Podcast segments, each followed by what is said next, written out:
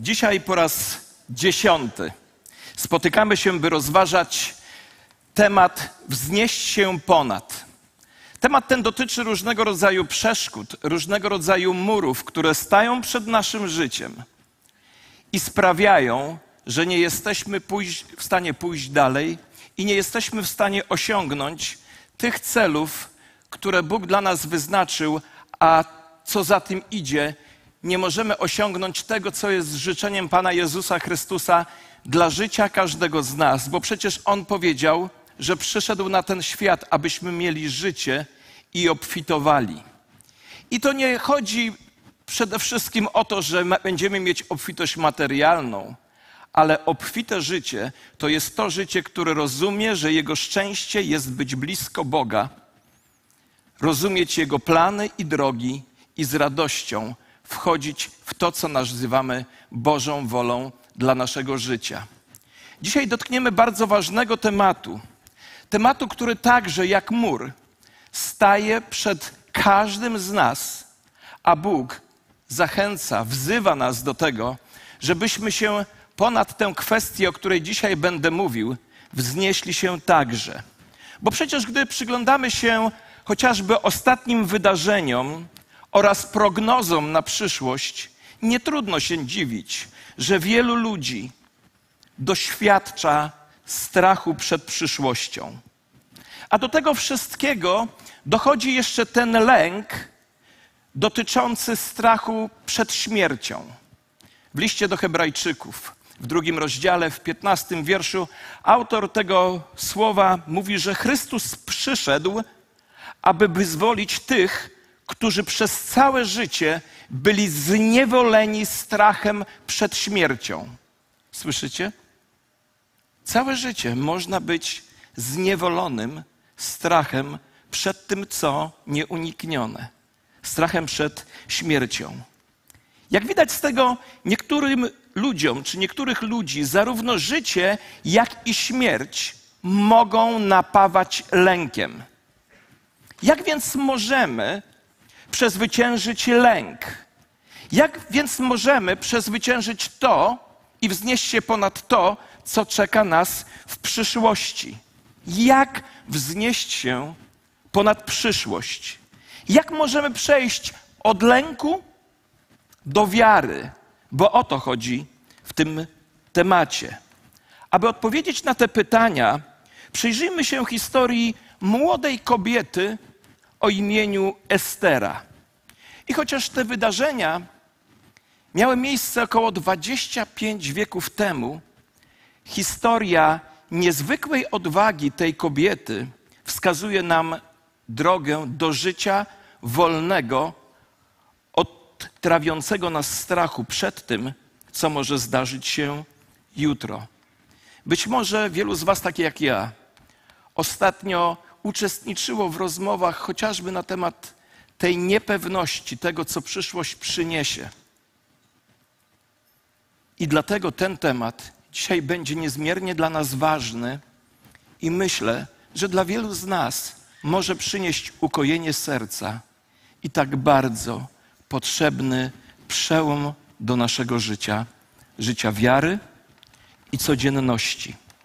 Jest rok 465 przed naszą erą, pałac w mieście Suza, a miasto Suza wówczas to jedno z najpiękniejszych miast świata. Chciałbym, żebyście dzisiaj poruszyli swoją wyobraźnią i poczuli ten klimat tamtych czasów. Oto znajdujemy się w, zimo, w zimowym pałacu. No jak teraz powiem, to może za daleko, nie, nie idźcie wyobraźni, bo oto znajdujemy się w zimowym pałacu króla, który ma całkiem ogromny harem. Pewnego dnia tenże król, a nazywał się Xerxes, zezłościł się na swoją żonę, królową Waszti, z powodu jej uchybień. Zaczął więc szukać w haremie najpiękniejszej, najbardziej atrakcyjnej i najbardziej pożądanej kobiety, aby móc ją uczynić swoją nową królową. I gdy przyglądał harem w Suzie, widział wiele kobiet, ale nie mógł znaleźć takiej, którą by pragnął aż w końcu natknął się na kobietę, której zarówno uroda, jak i charakter były takie, że całkowicie się nią zachwycił. Powiedział: Chcę, żeby była moją żoną, chcę, żeby była królową. Jej imię po hebrajsku znaczyło Haddasa, a po persku Estera. Była Żydówką. Pochodziła z ludu wybranego przez Boga i bez żadnych wcześniejszych ostrzeżeń. Nagle dziewczyna pochodząca z okupowanego kraju, na wygnaniu w innym kraju, zostaje najpotężniejszą kobietą świata. W całym królestwie Żydówka, królową perskiego króla i królestwa. Życie było łaskawe, można powiedzieć, dla Estery, ponieważ była wybranką króla. To na niej spoczywała jego łaska. Przez wiele dni, miesięcy i lat Estera puławiła się w chwale bycia główną damą państwa, potężnego państwa. I tą, której wszyscy kłaniali się i składali hołd. Zdarzyło się jednak, że pewien człowiek o imieniu Haman poszedł zobaczyć się z królem. Zajmował on bardzo wysoką pozycję w królestwie. Estera o tym nie wiedziała, ponieważ w tamtych czasach król nie informował swoich kobiet o swoich sprawach i interesach. Dzisiaj jest odwrotnie. Kiedy więc Estera przebywała z innymi kobietami, król spotkał się z Hamanem. A ten Haman opowiedział mu niewiarygodną rzecz. Powiedział tak: Och, królu, w Twoim królestwie są pewni ludzie, którzy są zdrajcami i buntują się przeciwko Tobie. Nie przestrzegają Twojego prawa, nie oddają Ci hołdu, nie szanują Twoich dokonań i Twoich czynów. O królu, my musimy coś zrobić z tymi ludźmi. Haman nie wspomniał królowi, że chodzi mu o Żydów. Właściwie to, co mówił, nie było prawdą. Żydzi nie byli wywrotowymi ludźmi, nie byli zdrajcami, ale Haman, ponieważ był potomkiem Amalekitów, a gdybyśmy śledzili historię, Amalekici byli zapieczonymi, odwiecznymi wrogami Izraela, ludu Bożego, chciał wzniecić zamieszki przeciwko Żydom. On miał antysemityzm we krwi.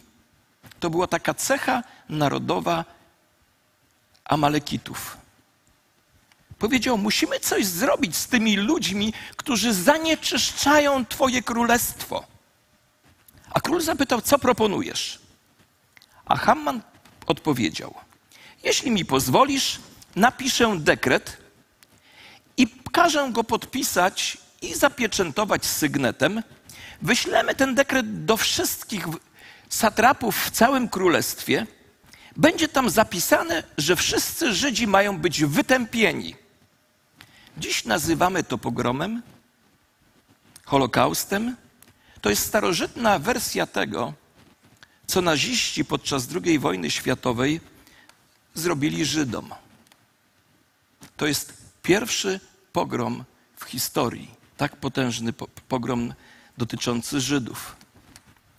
Pomysł Hamana polegał na zabiciu, na zgładzeniu wszystkich Żydów w Imperium Perskim w ciągu jednego dnia. Kochani, nie przegapmy tego faktu. Haman nie powiedział królowi, że mówi o Żydach, więc król tego nie wiedział. Zresztą i tak najprawdopodobniej nie miało to by żadnego znaczenia dla perskiego króla, bo i tak dekret został podpisany, zapieczętowany i rozesłany po całym królestwie. I w tym momencie historii, zachęcam Was, przeczytajcie Księgę Estery, bo w tym momencie historii pojawia się kolejny bohater, Żyd, o imieniu Mordochaj. Był kuzynem królowej Estery. Najprawdopodobniej królowa Estera była sierotą która w dzieciństwie była pod opieką swojego wuja, Mordochaja. Jako urzędnik gabinetu na, yy, na dworze króla, On był głęboko zaangażowany w sprawy władcy. Mordochaj też należał do urzędników królewskich i był człowiekiem o dobrym charakterze, którego król bardzo szanował. Kiedy Mordochaj usłyszał, co zrobił niegodziwy Haman i że on i wszyscy jego krewni zostaną skazani na śmierć, przyodział się w wór, posypał się popiołem, poszedł do śródmieścia i zaczął głośno krzyczeć, płakać, wołać. A wieść o tym, co zrobił Mordochaj, dotarł, dotarła do królowej Estery. Ona nie słyszała o niegodziwym spisku Haamana, ale kiedy dowiedziała się, że Mordochaj jest w żałobie, wysłała posłańca, aby dowiedzieć, co się stało. Ten dał posłańcowi kopię dekretu i powiedział: Wróć do królowej i powiedz jej, że tylko ona może nas teraz uratować. Przepraszam, że się wzruszam, ale to jest dla mnie jedna z najbardziej wzruszających ksiąg Pisma Świętego. Ponieważ pokazuje ona coś, co dzisiaj dla nas jest bardzo ważne. Powiedział: Jeśli Estera nie zacznie działać, wszyscy zginiemy. A teraz przenieśmy się do tej księgi Estery raz jeszcze, czwarty rozdział, wiersze od 9 do 11. Hatak, posłaniec Estery, wraca do niej i przekazuje jej, co powiedział Mordochaj, a ona następnie poleciła mu przekazać Mordochajowi taką odpowiedź. Mordochaju, wszyscy poddani króla i wszyscy mieszkańcy prowincji królewskich wiedzą, że każdy mężczyzna lub kobieta, którzy wejdą do króla na dziedziniec wewnętrzny bez wcześniejszego wezwania, a pamiętajmy, już poprzedniczka królowej Estery zapłaciła za złamanie prawa,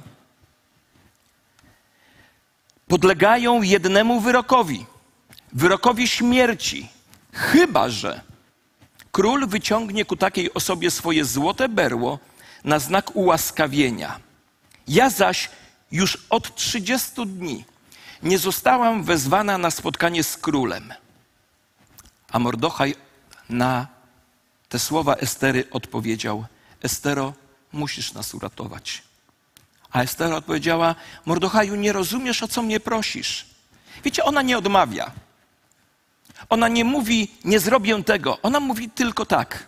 Zanim mnie o to wszystko poprosisz, to musisz, Mordochaju, zrozumieć, że jeśli król nie będzie chciał ze mną rozmawiać, to ska zostanę skazana na śmierć, mimo że jestem królową. Mordochaju, zastanów się, o co ty mnie tak naprawdę prosisz. Ona nie odmówiła. Ona zrobiła to, co zrobiłby każdy inny rozsądny człowiek. Ona obliczyła koszty. Za każdym razem, gdy ktoś się do ciebie zwraca, za każdym razem, gdy dostajesz jakiegoś maila, niemalże za każdym razem, gdy ktoś do ciebie dzwoni, gdy ktoś do ciebie potrzebuje, za każdym razem, gdy ktoś przedstawia nam jakąś ważną sprawę, za każdym razem, gdy wyzwanie jest wielkie, musisz zastanowić się, o co chodzi i jakie tego mogą być konsekwencje. Zanim zrobisz pierwszy krok, usiądź i lepiej oblicz osobiste koszty. To jest biblijna rzecz do zrobienia, bo przecież, jak czytamy w Nowym Testamencie, nikt nie idzie na wojnę, nie licząc żołnierzy, aby upewnić się, że ma ich wystarczającą ilość. Nikt nie siada do budowy budynku bez upewnienia się, że ma wystarczająco dużo pieniędzy, aby dokończyć pracę. A jak mu brakuje, musi wiedzieć, czy posiada wystarczającą ilość wiary, by jednak to zrobić, mimo braków. Jeśli chcesz być moim uczniem, Jezus powiedział, musisz wziąć swój krzyż i iść za mną. Inaczej mówiąc, to będzie cię coś kosztowało. Więc Estera mówi Mordochaju, chcę ci pomóc, ale musisz zrozumieć, że biorę swoje życie w swoje ręce, jeśli mam się w to zaangażować. Ona była królową. Ona naprawdę miała bardzo dobre życie. Miała wszystko, czego chciała. Podnosiła rękę i przychodziło kilkadziesiąt służących. Wszystkie te inne kobiety oddałyby wszystko, by się znaleźć w jej pozycji. Miała bogactwo, sławę, popularność, uwielbienie, aprobatę ludzi, A teraz Mordochaj mówi: Estero, przyszedł czas, abyś położyła to wszystko na szali. Posłaniec wraca i mówi Mordochajowi, co powiedziała Estera, a odpowiedź Mordochaja jest sednem księgi Estery. Posłuchajcie. Hatak przykazał Mordochajowi słowa Estery. A Mordochaj odesłał go do niej z taką odpowiedzią. Posłuchajcie uważnie. Nie wyobrażaj sobie, że będąc w pałacu królewskim, unikniesz losu wszystkich Żydów. Jeśli w takiej chwili jak ta zachowasz milczenie, słuchajcie, to są słowa na dzisiaj aktualne. Jeśli w takiej chwili jak ta zachowasz milczenie, uwolnienie i ocalenie dla Żydów przyjdzie skąd inąd, lecz ty i dom twojego ojca zginiecie. I teraz, a kto wie, czy godności królewskiej nie dostąpiłaś ze względu na taki czas jak ten. Słyszycie? A kto wie, czy godności królewskiej, kto wie, czy pozycja, jaką dzisiaj zajmujesz, czy, czy pozycja, na, którą dzięki Bogu dzisiaj zajmujesz, nie była Tobie powierzona po to,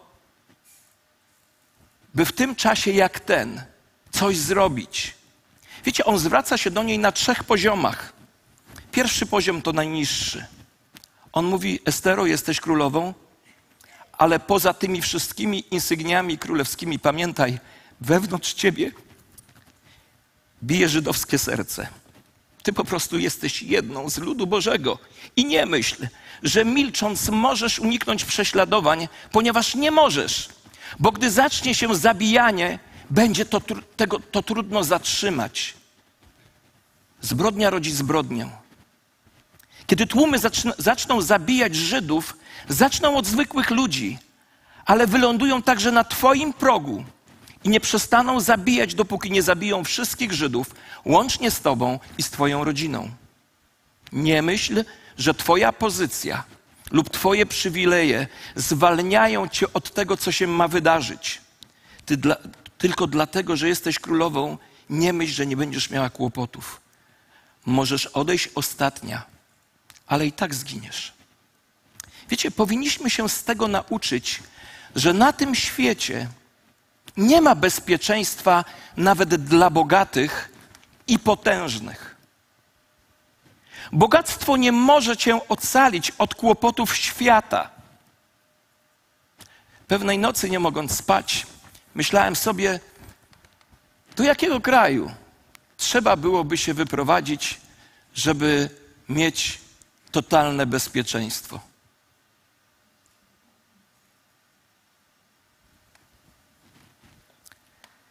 Następnie Mordochaj powiedział: Jeśli nam nie pomożesz, jeśli zachowasz milczenie, pomoc i wyzwolenie nadejdzie z innego miejsca.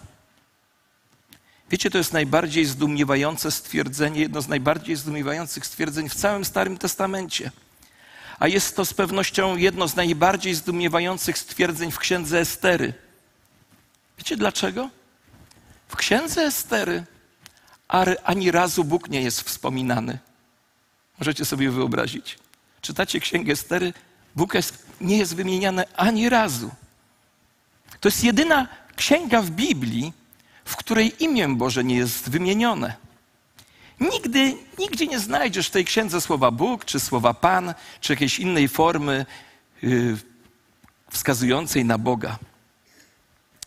I to jest jeden z powodów, który sprawiał, że gdy ta księga miała wejść do kanonu ksiąg świętych, wielu mówiło, że tam nie ma dla niej miejsca, ponieważ w tej księdze nie ma Boga. Nie jest natchniona, nie warta studiowania. Ale chcę Wam powiedzieć, dlaczego tam nie ma Boga. Wiecie, dlaczego wiem, że tam jest Bóg?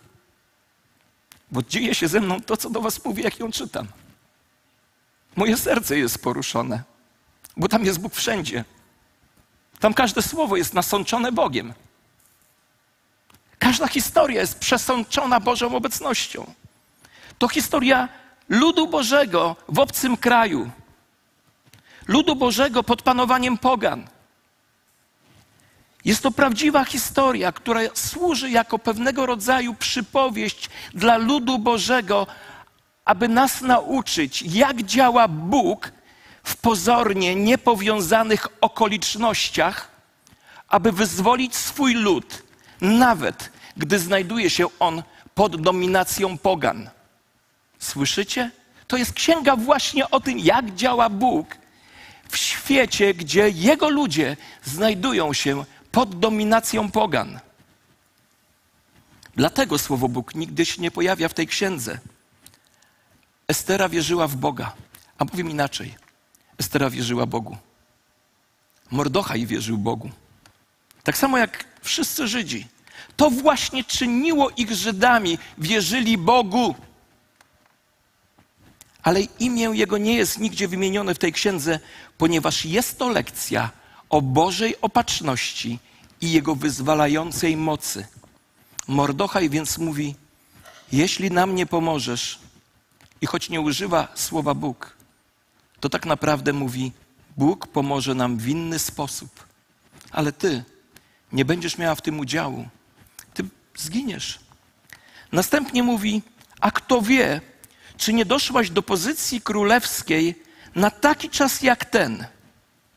Zastanówmy się na chwilę nad tymi słowami. Estero, nie zapominaj, skąd przyszłaś. Był czas, kiedy stałaś w jednym szeregu ze wszystkimi innymi kobietami w haremie. A wcześniej jeszcze był czas, kiedy byłaś sierotą wśród wielu żydowskich dzieci. A w haremie jadałaś z nimi przy tym samym stole. Ubierałaś się tak jak one, zachowywałaś się tak jak one. Nikt nie wiedział, że jesteś Żydówką. Estero, co sprawiło, że król cię wybrał? Co za tym stało, że to król cię wybrał? Myślałaś, że to twoja uroda? Wszystkie kobiety w haremie były piękne. Myślisz, że to ze względu na twój piękny uśmiech? A może ze względu na to, w jaki sposób flirtowałaś? Wiecie, przesłanie Mordochaja jest czyste, klarowne, przejrzyste. Estero, Zajmujesz tę pozycję, jesteś królową, masz wszystko, jesteś dzisiaj na szczycie, masz większe przywileje niż ktokolwiek inny w całym królestwie. Czy myślisz, że się to stało przez przypadek? Myślisz, że to przypadek? Estero, jesteś na szczycie. I choć Bóg nie jest wymieniony w tej księdze, Mordochaj wręcz krzyczy: Estero, jesteś na szczycie ponieważ to Bóg tam Ciebie umieścił. A czy wiesz, dlaczego Bóg Ciebie tam umieścił? Umieścić Cię tam, abyś w kluczowym momencie historii mogła powiedzieć słowo i wybawić swoich ludzi. To wszystko, przez co przeszłaś, stało się po to, abyś dzisiaj była narzędziem, którego Bóg użyje, aby wyzwolić swój lud. Cóż za stwierdzenie. Co za sposób patrzenia na okoliczności życia. Co za sposób zrozumienia Bożego działania, Bożej opatrzności. Estero, kto wie, czy nie znalazłaś się na królewskiej pozycji w czasie takim jak ten? Kto wie, czy nie jesteś właśnie królową na ten moment historii? Kto wie, Estero, może jesteś tylko właśnie po to tutaj. Wszystko, co ci się przydarzyło, to przygotowanie do tej chwili. A potem w dalszych wersetach czytamy, wtedy Estera przekazała Mordochajowi taką odpowiedź. Idź, zabierz, zbierz wszystkich Żydów, którzy mieszkają w Suzie i pośćcie za mnie. Nie jedzcie nie pijcie przez trzy dni, dzień i noc. Ja i moje służące też tak będziemy pościć, a potem udam się do króla, mimo że to jest wbrew prawu. Jeśli mam zginąć, to zginę. Czy rozumiesz tę zasadę? Czy rozumiecie tę zasadę? Wielki apel Mordochaja do Estery opiera się na bardzo ważnej zasadzie. A zasada tam brzmi: im większy przywilej, tym większa odpowiedzialność. Słyszysz? Od kogo, komu więcej dano, będzie się więcej wymagać. Im więcej masz, za więcej odpowiadasz. I więcej Bóg ci dał, tym większą masz odpowiedzialność, by użyć tego dla Jego królestwa. Dla Jego królestwa. Ale odpowiedź, odpowiedzmy sobie na pytanie, czego ta starożytna historia uczy nas o przezwyciężaniu własnego strachu przed przyszłością, bo o tym dzisiaj właśnie mówimy. Po pierwsze, dowiadujemy się, że na świecie nie ma bezpieczeństwa. Złe rzeczy przytrapiają się dobrym ludziom cały czas. Czasami wydają się być przypadkowymi, czasami wydają się być przypadkowymi aktami jakiejś tragedii, a czasami źli ludzie spiskują przeciwko nam. Po drugie, dowiadujemy się także, że w życiu nie ma przypadków. Słyszycie? W życiu nie ma przypadków. Jesteś tam, gdzie jesteś, ponieważ Bóg chce, żebyś tam był. Ponieważ Bóg dopuścił do tego, byś był w tym miejscu, gdzie teraz jesteś. Prawdopodobnie nikt z nas tutaj obecnych nie jest królową, nawet królem na jakimś dworze. A jak jest to po nabożeństwie, proszę, podejdźcie do mnie. Ale prawda jest taka, że gdziekolwiek jesteś teraz, Bóg miał swój udział w doprowadzeniu ciebie tam.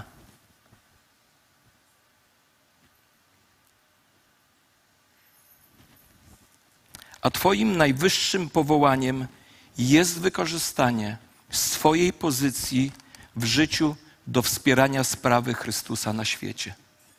Jeszcze raz, żeby nam to nie umknęło. Twoim najwyższym powołaniem jest wykorzystanie swojej pozycji w życiu do wspierania sprawy Chrystusa tutaj na ziemi.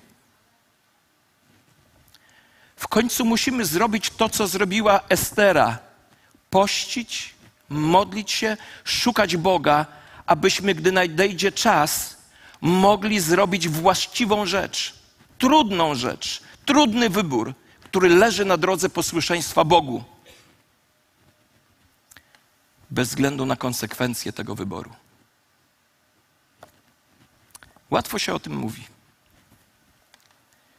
Ale takie jest prawdziwe znaczenie słów: jeśli zginę, to zginę.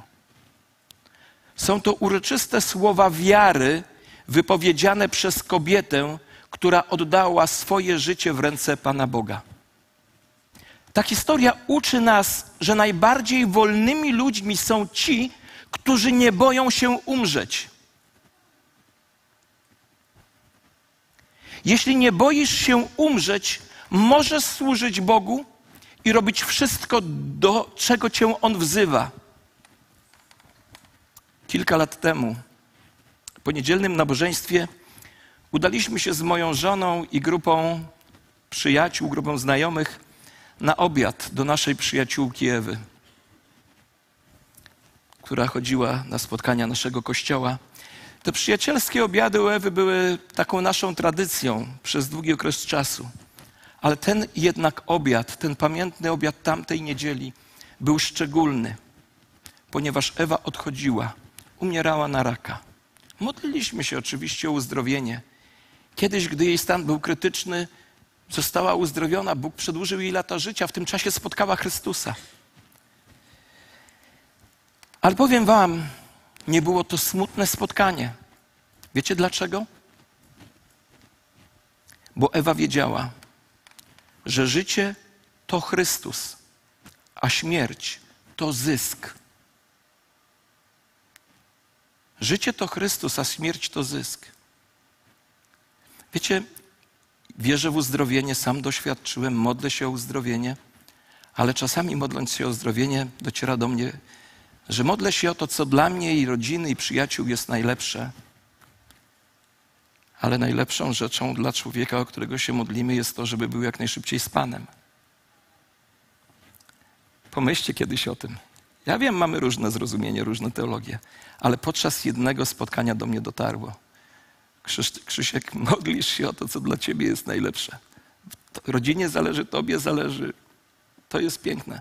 Ale dla tej osoby śmierć jest zyskiem. Ale nie chcę wchodzić w ten temat. Ewa wiedziała, że życie to Chrystus, a śmierć to zysk. I że bycie nieobecnym w ciele znaczy być obecnym u Jezusa. Bo jak mówi Jezus, w domu mojego Ojca jest wiele mieszkań. Gdyby było inaczej, powiedziałby wam, bo przecież idę przygotować wam miejsce, a gdy przyjdę i przygotuję wam miejsce, przyjdę znowu, wezmę, wezmę was do siebie, abyście i wy byli tam, gdzie ja jestem. A potem razem z Ewą czytaliśmy Psalm 23. Choćbym nawet wszedł doliną cienia śmierci, zła się nie ulęknę, bo Ty jesteś ze mną. A zaraz po niedzieli Ewa odeszła w ramiona niebiańskiego ojca, a jej uroczystość pogrzebowa nie była żałobną. Powiem wam, to był najbardziej radosna uroczystość pogrzebowa, na jakiej w życiu byłem. Bo jeśli znasz Jezusa, nie musisz bać się śmierci. Jeśli nie boisz się śmierci, jesteś naprawdę wolny, a diabeł stracił swoją największą broń przeciwko tobie. Jeszcze raz to powiem, łatwo się o tym mówi. Kilka prawd na koniec. Kiedy patrzymy w przyszłość, to następujące cztery prawdy wynikają między innymi z księgi Estery i powinny nas zachęcić. Prawda pierwsza – Bóg jest w naszej przyszłości, ponieważ jest Bogiem, który idzie przed swoim ludem. Po drugie, Bóg obiecuje być z Tobą, bez względu na to, co się stanie z Tobą w przyszłości. Po trzecie, jeśli znasz Jezusa, teraz mnie dobrze zrozumcie. Najgorszą rzeczą, jaka może się wydarzyć w przyszłości, jest to, że pójdziesz w najbliższym czasie do nieba najgorszą rzeczą? Ale to jest również najlepsza rzecz, jaką może ci się przydarzyć w przyszłości. Pójść do nieba. To tak wiecie, jak w takiej historii, jak pastor płynął w sztormie łodzie, yy, yy, okrętem, sztorm ogromny, kapitan przychodzi do pastora i mówi, pastorze, jeśli tak dalej fale, takie fale będą, to wszyscy dzisiaj pójdziemy do nieba. Na to pastor mówi, nie daj tego Boże. I po czwarte, w nadchodzącej przyszłości będziesz miał tyle czasu, ile potrzebujesz, aby zrobić wszystkiego, czego Bóg od ciebie oczekuje. Bez względu na to, co się wydarzy, możesz być pewien, że będziesz, możesz być pewna, że będziesz miał cały czas i całą siłę, całą mądrość, której potrzebujesz, aby zrobić to, czego Bóg od ciebie oczekuje. Ale zasada ta nie oznacza, że masz gwarancję osiągnięcia wszystkich swoich celów lub że spełni się każdy z Twoich marzeń, bo nadal żyjemy w upadłym świecie. W świecie, w którym wszystko się psuje i nic nie działa dobrze, bo taki jest świat. Nasz ziemski namiot, mówi apostoł Paweł, niszczeje także. Ale biorąc pod uwagę, uwagę to ograniczenia, te ograniczenia, możemy mieć pewność, że Bóg dostarczy nam wszystkiego, czego naprawdę potrzebujemy, kiedy tego potrzebujemy, abyśmy mogli spełnić Jego wolę. Bóg dostarczy nam wszystkiego, czego potrzebujemy wtedy, kiedy potrzebujemy, aby spełnić Jego wolę. Nikt nie może z całą pewnością powiedzieć, co przyniesie przyszłość. Nikt z nas nie wie, co będzie jutro, ale ta myśl nie powinna nas w żaden sposób niepokoić, bo na wszystkie nasze lęki Bóg mówi: Nie bój się. Nie bój się. Czy będzie gorzej? Nie bój się. Czy stracę zdrowie? Nie bój się. Czy będę miał pracę? Nie bój się. Czy moi bliscy będą przechodzić trudne chwile? Nie bój się. A może inwestycje moje się nie udadzą? Nie bój się. A może skończą mi się w tym roku pieniądze? Nie bój się. A może dojdzie w mojej rodzinie do jakiejś tragedii? Nie bój się. A może moje dzieci mnie rozczarują albo ja je? Nie bój się. A może inni wyśmieją moją wiarę? Nie bój się. A może moje plany spę- spełzną na niczym? Nie bój się. Może moje marzenia obrócą się w popiół? Nie bój się. A może jeszcze w tym roku stanę w obliczu śmierci? Nie bój się. Każda z tych rzeczy może nam się przydarzyć. A rzeczywiście, szczerze mówiąc, niektóre z nich nam się przydarzą. Ale słowo Boga pozostaje na wieki. Nie bój się, bo jestem z Tobą. Sam Bóg jest z nami dzisiaj, będzie z nami jutro, pojutrze. Powinniśmy być optymistami w obliczu przyszłości. Mamy wspaniałą przyszłość, ponieważ mamy wielkiego Boga. Pamiętaj, że nawet gdy będziemy mieli swój udział w trudnych czasach, to nad tym wszystkim przeważa obietnica Boga, który powiedział: Nigdy Cię nie zostawię, ani nigdy Cię nie opuszczę. Boże Narodzenie, 39 rok w Anglii.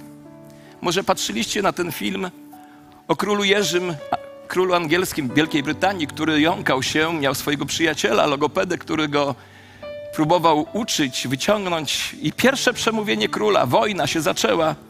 I król Jerzy wygłosił swoje krótkie przemówienie radiowe do swojego niespokojnego narodu.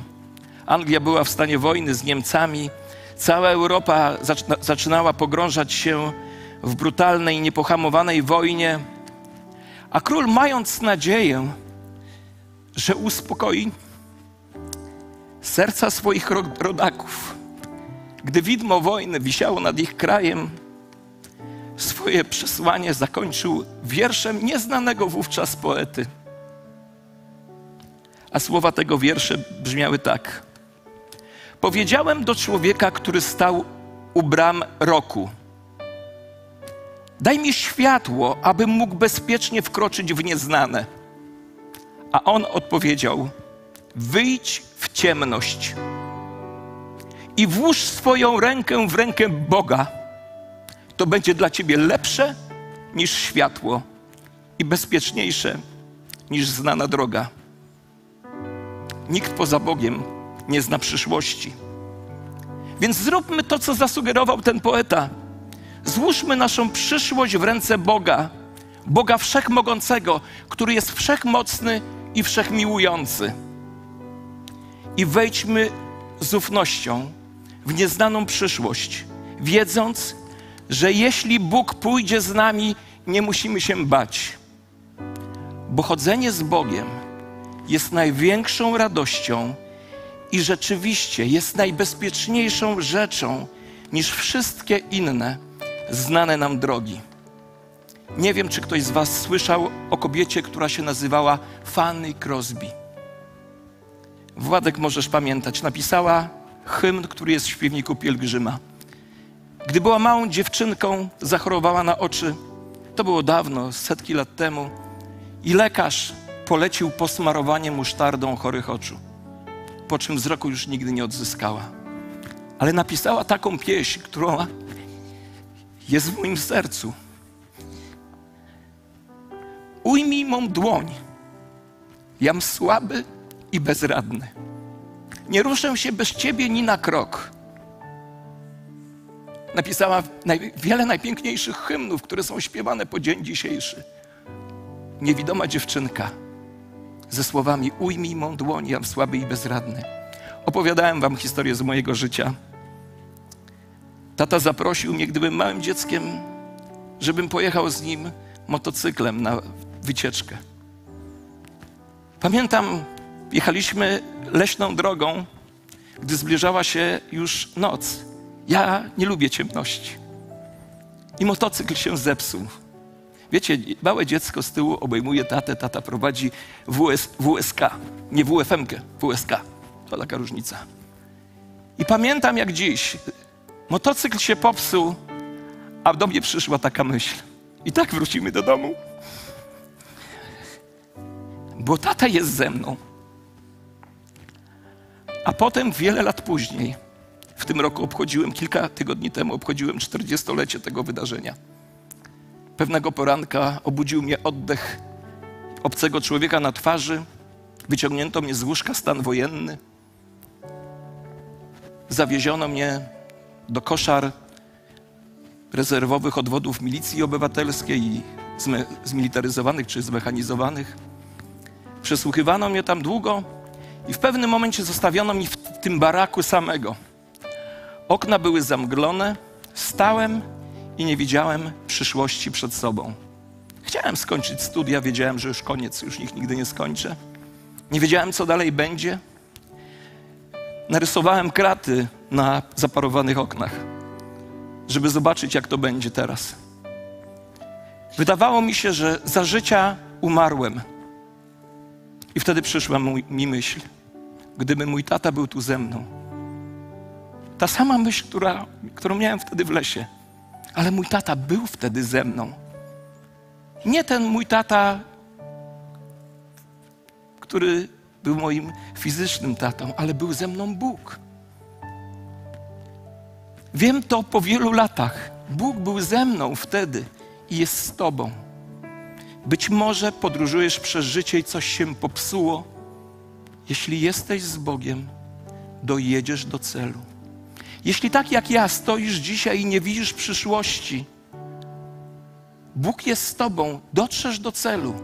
A jeśli nie jesteś z Bogiem, to wsadź swoje ręce w Jego dłonie.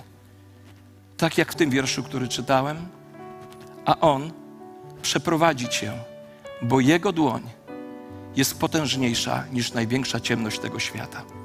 Pochylmy nasze głowy w modlitwie. A jeśli to słowo dzisiaj było do Ciebie, Daj znać przez podniesienie ręki. Tak, dzisiaj Bóg mówił do mnie, to było ze względu na mnie posłane. Podnieście wyżej ręce. Nie krępujcie się, bo wiecie, co was czeka. Powstańcie, proszę, ci, którzy podnieśli ręce i wyjdźcie tutaj do przodu. Będziemy się z wami modlić. Proszę osoby, które są zaangażowane w modlitwę, liderów, przyjdźcie tutaj, będziemy się modlić z tymi osobami, które wyszły tutaj do modlitwy. To może być dla ciebie dzisiaj dzień przełomów, dzień przemiany, dzień włożenia swoich rąk w ręce Wszechmocnego. Dzień, w którym być może zamglone szyby, przez które wyglądasz na swoje życie, wreszcie zostaną przetarte i zobaczysz przed sobą tę przyszłość, która będzie zupełnie inną, jeśli Bóg będzie, jeśli Twoje ręce będą w rękach Boga. A że On obiecał, że nikogo, kto do Niego przychodzi, On nie odrzuci precz, to i gdy dzisiaj Ty przyjdziesz do Niego, nie zostaniesz odrzucona albo odrzucony Dlatego miej odwagę dzisiaj zrobić ten prosty gest, ten prosty ruch i wyjdź tutaj do przodu, będziemy się razem modlić. Powstańmy, proszę, wszyscy i módlmy się też o te osoby, które tu wyszły, módlmy się o nas.